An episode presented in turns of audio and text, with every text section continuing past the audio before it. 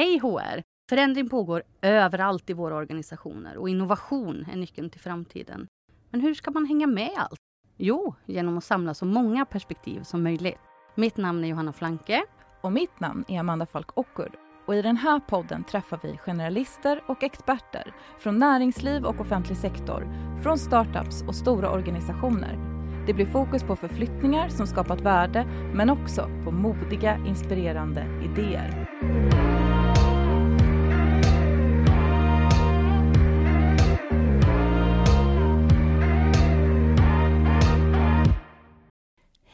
Och välkomna till dagens avsnitt av Hej HR.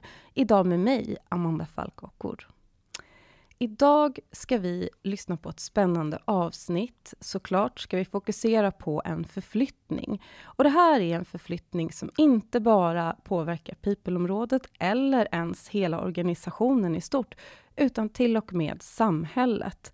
Eh, det ska bli väldigt spännande att prata med dig, Linda Björk. Så hej och välkommen! Eh, berätta lite kort om dig och, och var du kommer ifrån.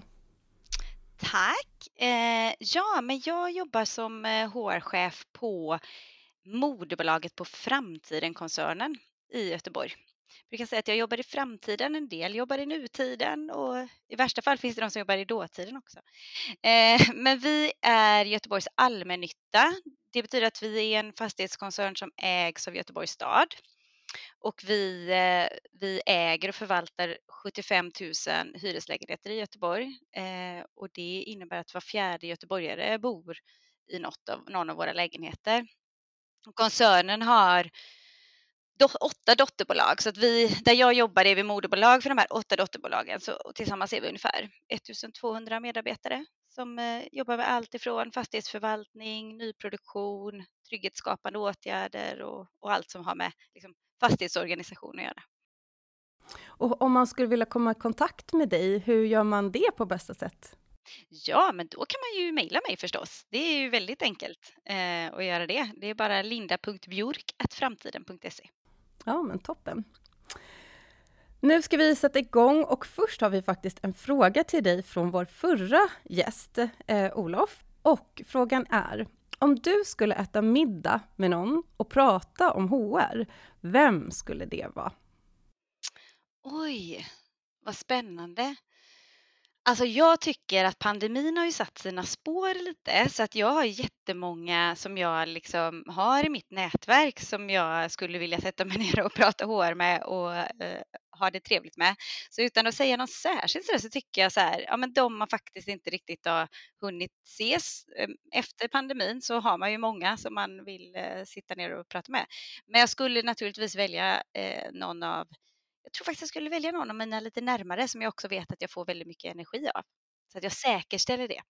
Härligt, så både HR-inspiration och energi. Det låter ja. ju väldigt mysigt. Mm. Eh, och Linda, vad skulle du ställa för fråga till vår nästa gäst här i podden?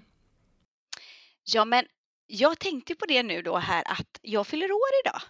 Ja, men så grattis! Jag, ja, det var lite surprise va? ja, eh, verkligen. Jag fyller år idag och då tänker jag så här, hur skulle du vilja fira din födelsedag om du fick välja? Hur ser en bra födelsedagsfirande ut? Själv får jag ju spela in en podd, det är ju roligt, det är inte varje dag. Grattis Linda! ja, men vilken bra, vilken bra fråga. Den kan ju verkligen variera, tänker jag. Eller hur? En del ja. kanske bara vill vila, andra ja, vill göra annat. Exakt, exakt. Och vissa vill liksom gå lite under radarn och vissa vill stå mitt i centrum. Det är ju verkligen Uppenbarligen. Mm.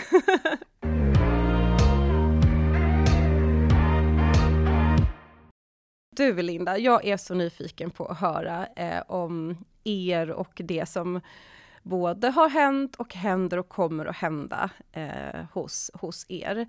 Eh, om, du, om vi bara börjar lite och kort berätta lite, vilka, vilka förändringar eh, är det vi pratar om egentligen? Vad händer hos er just nu? Ja, alltså om vi börjar i att 2020 så beslutade Göteborgs stads kommunfullmäktige då, som är våra ägare, om ett eh, riktigt utmanande och superviktigt mål. Eh, och det handlar om att det är ingen del av Göteborgs stad ska finnas med på polisens lista över särskilt utsatta områden. Och 2020 fanns det sex områden i Göteborg eh, på den listan då som polisen definierar. Och Framtiden-koncernen gavs en viktig och ledande roll i att eh, jobba med det, mot det målet. Ja, det låter otroligt spännande. Och hur... Eh, berätta lite hur ni gick tillväga för att liksom... Eh, ja, men se, dels sätta målet, men kanske också lite hur ni då skulle uppnå de här målen. För att jag har... Jag har för mig att ni gjorde det på ett lite spännande sätt. Ja, men precis. Nej, men man kan väl också fundera över, det är klart att när det uppdraget kom så, så kanske en del av oss ställde oss frågan och en del av våra medarbetare och kanske andra runt omkring och fundera över varför eh, ska en bostads och fastighetskoncern jobba med det där? Eh, och det var ju en, eh, en viktig del. Dels så är vi som stor fastighetsägare liksom i de här områdena. Vi, eh, vi finns där och vi är eh, jätteviktiga för både trygghet och jobba med att bryta den strukturella bostadssegregationen med våra verktyg. Sen är det så att, eh, och det har att göra med din fråga där med liksom, hur tog vi oss an det här uppdraget i att ta fram en strategi då har vi nämligen själva ett framgångsexempel inom vår koncern eh, Gårdstensbostäder. På 90-talet så räknades Gårdsten till ett av Sveriges sex mest nedgångna miljonprogramsområden. Och det var en hög grad av liksom anmälda brott långt över Göteborgssnittet. Tusen lägenheter stod tomma eh, och eh, en rad insatser sattes in där Gårdstensbostäder hade en oerhört viktig roll. Eh, idag är det tusen sökande till varje lägenhet. Brottsstatistiken har halverats och Gårdsten är det första området som har tagits bort från polisens lista av särskilt utsatta områden. Så det arbetet har ju pågått i över 20 år och nu då så står vi ju här inför det här uppdraget att eh, klara av det här på väldigt många fler delar av Göteborg. Eh, det ska göras snabbare och eh, det är på många sätt eh, liksom en komplexare förutsättningar. Men vi fick också det här uppdraget för att vi har kapaciteten. Vi tog fram en strategi och vi satsar 11 miljarder på att vända den här utvecklingen. Ja, och då blir man ju så nyfiken på att höra lite hur det eh, togs emot liksom i, ja, men utifrån vårt, eh, våra hjärtefrågor. Så hur, hur togs det emot i organisationen och bland, bland medarbetare och andra uh, samarbetspartners? Ja, men det är naturligtvis så att 2020 kom det. Det vet alla att vi var mitt i en pandemi då. Eh, och när man tar fram en strategi så kanske man många gånger väljer det som vi brukar säga sådär, den korta långa vägen eller den långa korta vägen. Många gånger så väljer man en lång förankringsfas med en stor bred involvering av medarbetare och chefer i hur ska vi lyckas med ett mål som man har förutsatt sig att lyckas med. Det vi gjorde var eh, att vi fick välja den korta långa vägen. Att snabbt lägga fast en, en strategi väldigt nära kopplat till vårt kärnuppdrag förstås med insatser kopplat till superförvaltning kallar vi det. Att göra det vi gör men i väldigt mycket större utsträckning och med mer resurser. Eh, och sen har vi en del i strategin som handlar om modig och innovativ stadsutveckling, bygga nytt. Eh, och där handlar det också om att vi ska kunna bidra till att skapa sysselsättning, förbättrade skolresultat, Ehm, och i strategin finns också det här med att samverka med andra just och eh, näringsliv och, och akademi och sådär. Eh, men eftersom vi tog fram det här väldigt snabbt, men också för att vi faktiskt sa så här, vi vet ungefär vad som behöver göras. Vi vet i alla fall vad vi ska börja med. Så låt oss sätta ner det och börja jobba. Eh, och eh, det är klart att, eh, att det tog lite tid för vår organisation och för andra att liksom köpa det bara. Bland annat så funderade man nog mycket över varför ska vi ta den här positionen? Och med handen på hjärtat så, så är ju faktiskt, skulle jag säga, liksom fastighetsorganisationer inte så vana vid förändringsarbete. fastigheter har sett ungefär likadana ut i hundra år. Ja, men eh, gud vad spännande. Så, så då eh, ja, satte ni den här strategin baserat på de tidigare eh, lärdomarna ni har gjort då utifrån ett av era egna eh, dotterbolag. Så Vad hände då sen? Vad, vad fick ni för effekt? Ja, nej, men man kan väl säga det att vi dels så tittade vi på förstås vad, vad Gårdsten har gjort och sen finns naturligtvis mycket andra liksom, kunskaper i och, om hur man gör förändringar i sådana här områden. Och sen så naturligtvis utöver att vi eh, attraherar helt nya, ska attrahera helt nya yrkesroller och få in dem i vår organisation så, så kräver det också någonting av redan befintliga medarbetare och chefer. Alltså just det här med varför gör vi det och vad ska det spela för roll för mig? Vad är det jag ska göra annorlunda? Vilka krav ställer det på mig? Till den här strategin så har vi ju lagt fast en definierad organisationskultur. Det är ju en väldigt spännande liksom, Eh, del av strategin som definierar inte bara vad vi ska göra utan hur och hur, spel, hur det spelar roll. Eh, och det beskriver vi med orden raka ryggar och varma hjärtan. Och det handlar ju väldigt mycket om att stå upp för samhällets normer och värderingar, våga agera och vara gränssättande. Samtidigt som vi vet att relationsbyggandet och närvaron i våra områden och att vi visar att vi bryr oss om de här områdena är oerhört viktigt. Eh, så eftersom vi insåg att vi har gjort det här ganska snabbt, nu har vi en lång tid kvar att få med oss alla de här 1200 medarbetarna och cheferna på den här resan, så har vi tagit fram en, en kommunikationsplattform och kompetensplattform kan man säga, som vi kallar för Allt vi kan. Eh, och den ska ju stärka hela koncernens förmåga att dels skaffa sig kunskap på olika sätt. Vad behöver vi lära oss mer för att lyckas? Men framför allt eh, vilja och förmåga att, vilja att kunna vara med och bidra.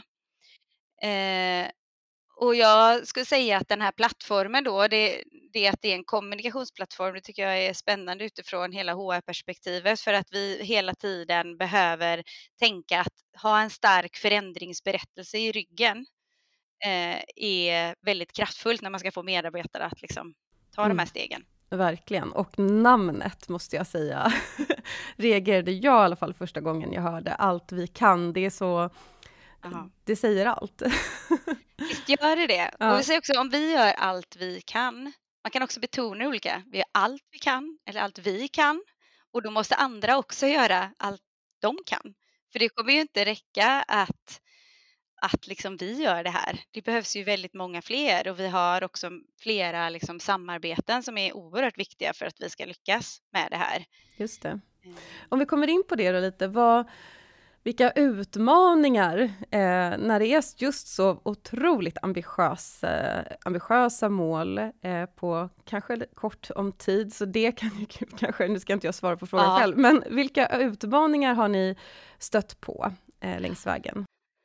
Ja, men det är ju i stort och smått hela tiden såklart. Men, men eh, en utmaning handlar ju naturligtvis om att inte bara liksom rekrytera in nya resurser eller nya kompetenser utan att alla ska förstå sin del i sammanhanget och känna att nu kan jag bidra och jag kan göra allt jag kan utifrån min roll. Och det har också varit viktigt. Det är också därför vi satsade på den här eh, kompetensplattformen som, som innebär att vi i olika moduler involverar och engagerar alla koncernens medarbetare. Vi har naturligtvis medarbetare som inte alls jobbar i ett särskilt utsatt område. Man kanske jobbar som ekonom någonstans eller i ett annat område i Göteborg.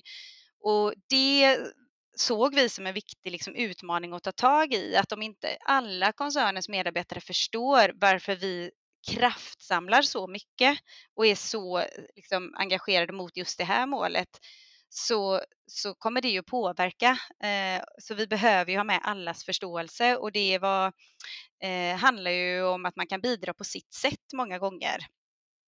I det. Men så det är en utmaning. En annan utmaning tycker jag är erfarenhetsåterföring. Vi gör en massa bra saker för att klara av det här uppdraget. Och det är knixigt det där med hur delar man den erfarenheten mellan organisationens olika delar. Och sen skulle jag nog också säga det här med Alltså, gör vi tillräckligt? Vet vi att det vi gör kommer göra skillnad? Är vi tillräckligt innovativa och modiga och nytänkande och kommer det här räcka? Det, det vet vi ju inte ännu. Nej. Men nu blev jag lite nyfiken också på att höra om det här med kompetenser. Du nämnde det mm. att alltså, dels absolut, man kan inte rekrytera in alla, men ni gjorde ändå någonting där, att ni rekryterade in och kanske lite annan ja. kompetens. Hur kom ni fram till vilken kompetens som ni behövde i den här omställningen? Ja, men precis. Ja, men det ena var att en del i strategin handlar om ökad närvaro i de här områdena. Så plötsligt så skulle vi eh, jobba både kvällar och helger och finnas i de här områdena. Eh, det är ju en jätteviktig del att man ska kunna se våran organisation ute i de här områdena, inte bara den vanliga eh, tiden som vi normalt sett har jobbat med fastigheterna eller, eller så. Eh, så det har ju varit att, att rekrytera trygghetsvärdar har varit eh, en, en stor utmaning faktiskt. Dels så är det en yrkesroll som inte är liksom etablerade, det finns inga utbildningar. Eh, och det innebar att vi sökte ganska brett från början, både från kanske mer liksom socionomhåll eller och någon kanske kom från, från att ha jobbat inom fritidsverksamhet och någon kom från väktarsidan och ja, väldig blandning faktiskt. Och det viktiga i det har ju varit att bygga rätt team med personer som, som ja, kanske står för alla de där kompetenserna på lite olika sätt. Men där, där jobbar vi fortfarande. Hur ska den rollen se ut? Hur ska man agera balanserat mellan att vara en relationsbyggare i området men också säga till eh, när det är häng i trapphusen på ett sätt som, som man också gör att man kan känna sig trygga i, i det arbetet. Och det får jag nog säga varit en, en av modulerna vi jobbar med handlar väldigt mycket om det, att om vi ska kunna klara det här så måste vi agera. Eh, och hur agerar vi på ett sätt som gör att vi samtidigt både är säkra och känner oss trygga i det? Eh, det rustar vi våra medarbetare för fullt med nu. Eh, och ja, det känns som en oerhört angelägen del i att klara av det. Mm, verkligen. Och då, vilka möjligheter ser ni framåt? Alltså nu har ni, som du är inne på, ni har kommit en bit på väg i den här stora förändringen eh, för att nå de här upp, högt uppsatta målen. Eh, så vilka möjligheter ser ni framåt?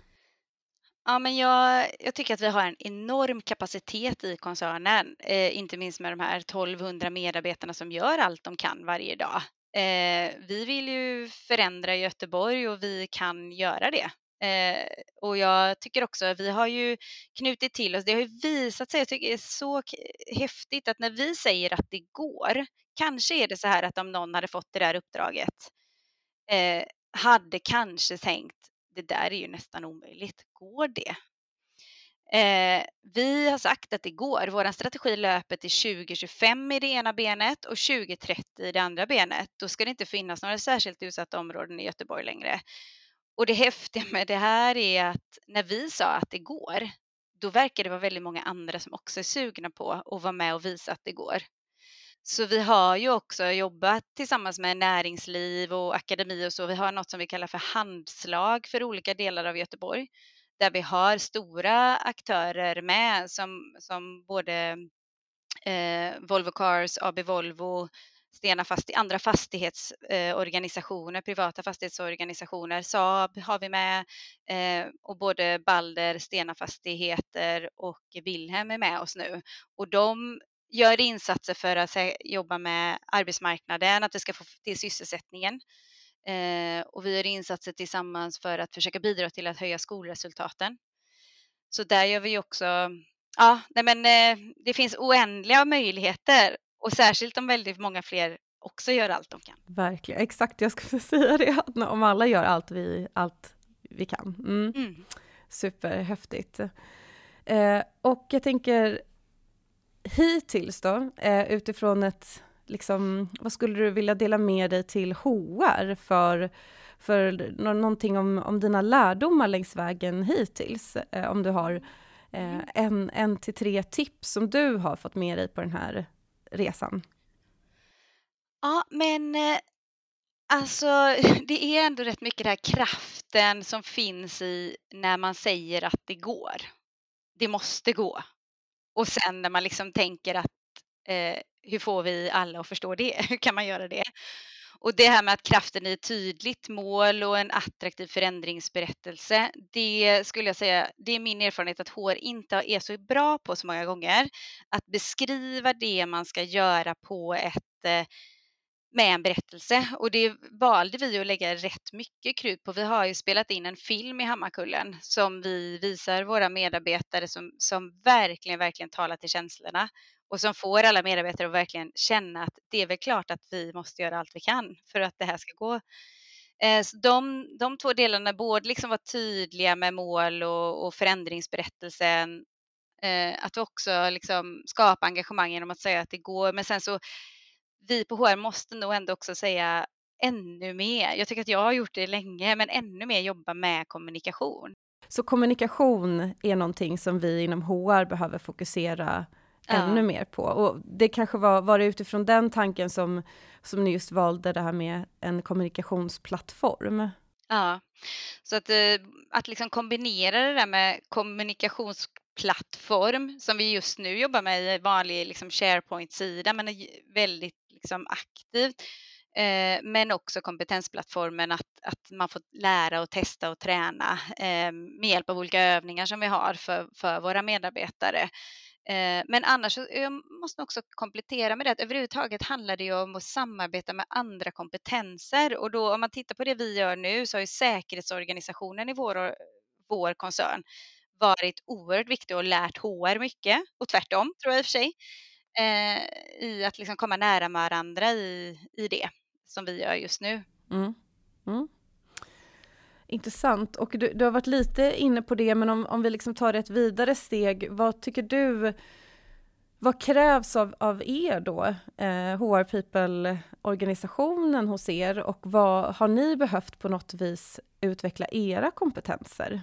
Ja, ja men alltså verkligen det här med att gå hand i hand med koncernens säkerhetsorganisation. Och, jag, och, min upplevelse, och det skulle nog vår koncernsäkerhetschef säga också, i början så stod vi rätt mycket så här, ja men vi jobbar med människorna och, och ni jobbar med säkerhet och struktur liksom.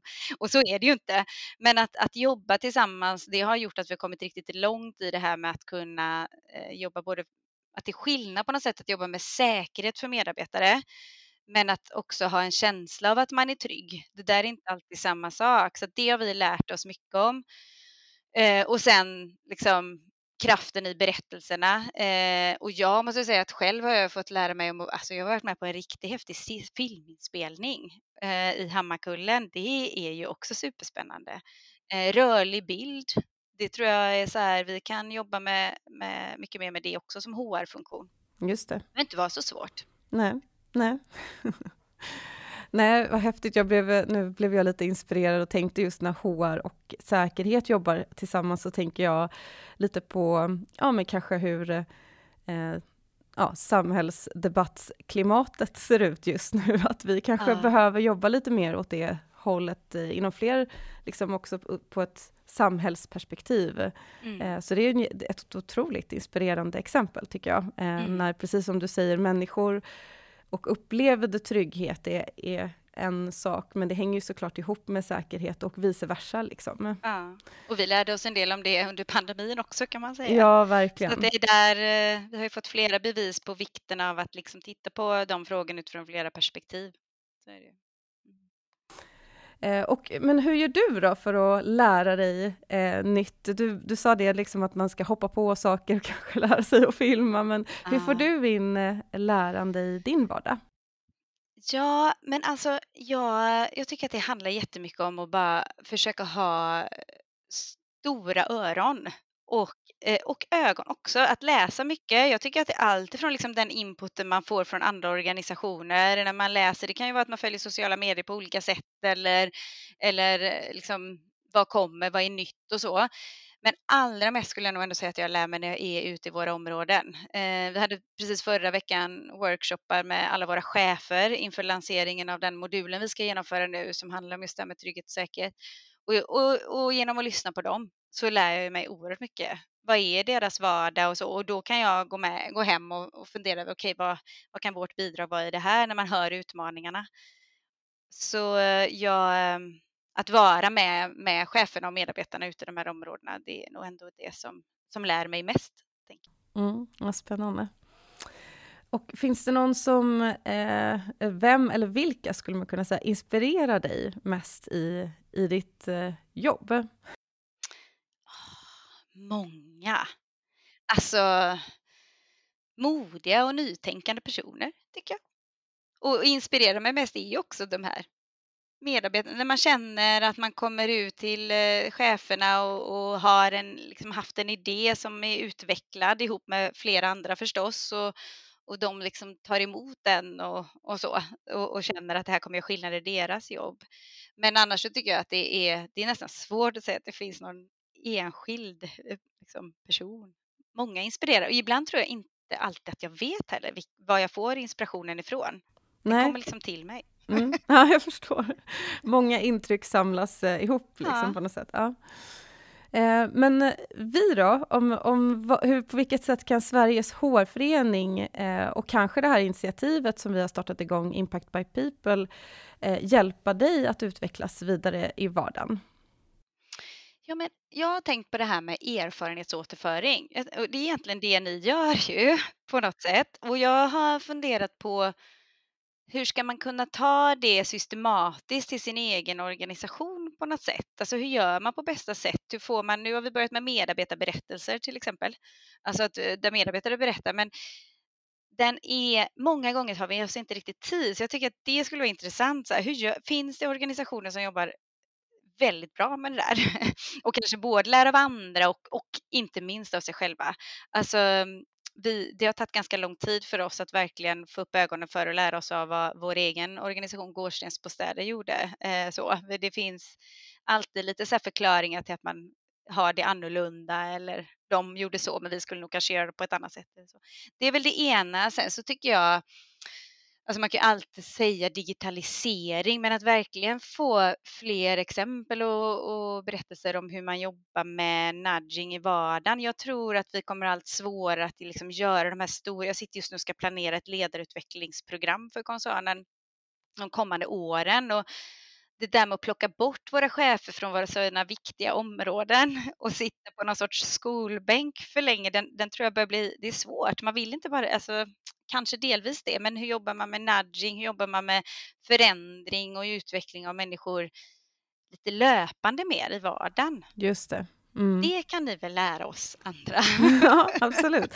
Så på, på olika sätt av, av lärande egentligen, så både ja. liksom erfarenhets... Eh, ja, berättelser och utbyte och eh, hur man får till det här ständiga lärandet. Mm. Mm. Det är områden som du vill veta mer om. Jättegärna. ja, ja, vad kul. Så Linda, det här har varit otroligt spännande att höra om er eh, resa som ni faktiskt fortfarande är, är på. Då. Så då undrar jag väl egentligen som min sista fråga till dig, vad, hur gör du allt du kan? Ja, jag gör, jag gör allt jag kan genom att försöka förstå först vad det är jag behöver göra. Genom att lyssna på, på de som har behov i vår organisation på olika sätt. Eh, och just nu i det allra närmsta då så får jag nog ändå säga att jag ska eh, gå till koncernledningen, prata med dem om vad vi ska göra nästa steg och föreslå också tillsammans med HR-cheferna i dotterbolagen eh, en fortsättning på det som tänker kring chefs och ledarutvecklingen. Eh, för cheferna i vår organisation är naturligtvis otroligt viktiga i inte vad de säger utan vad de gör varje dag. Så eh, det, det tänker jag ändå är mitt bidrag och fortsätta sprida också det här viktiga vi gör för att få vi andra att bidra till det så kommer ju det här eh, ha större möjligheter att lyckas. Verkligen. Och inte minst, nu blir vi också väldigt nyfikna, hur ska du fira din födelsedag idag? Ja, men just det. Alltså, jag räknar med att eh, eh, mina barn, just nu den yngsta dottern här, eller hon håller på och ska nog ta och baka mig en tårta tror jag. Och sen så ska jag faktiskt gå och träna crossfit. För det är så roligt så att jag gör det även om det är min födelsedag. Det kanske skulle tänka sig att man slipper träna. Men jag vill gärna göra det. Så det, det är din födelsedagspresent till dig själv. Och träna. Härligt. Så ping Lindas barn, fira mamma nu. Jajamän. ja, men jätte, jättefint. Tack så mycket Linda att du var med och jättekul att ha dig med. Um... Tack så mycket för att jag fick komma.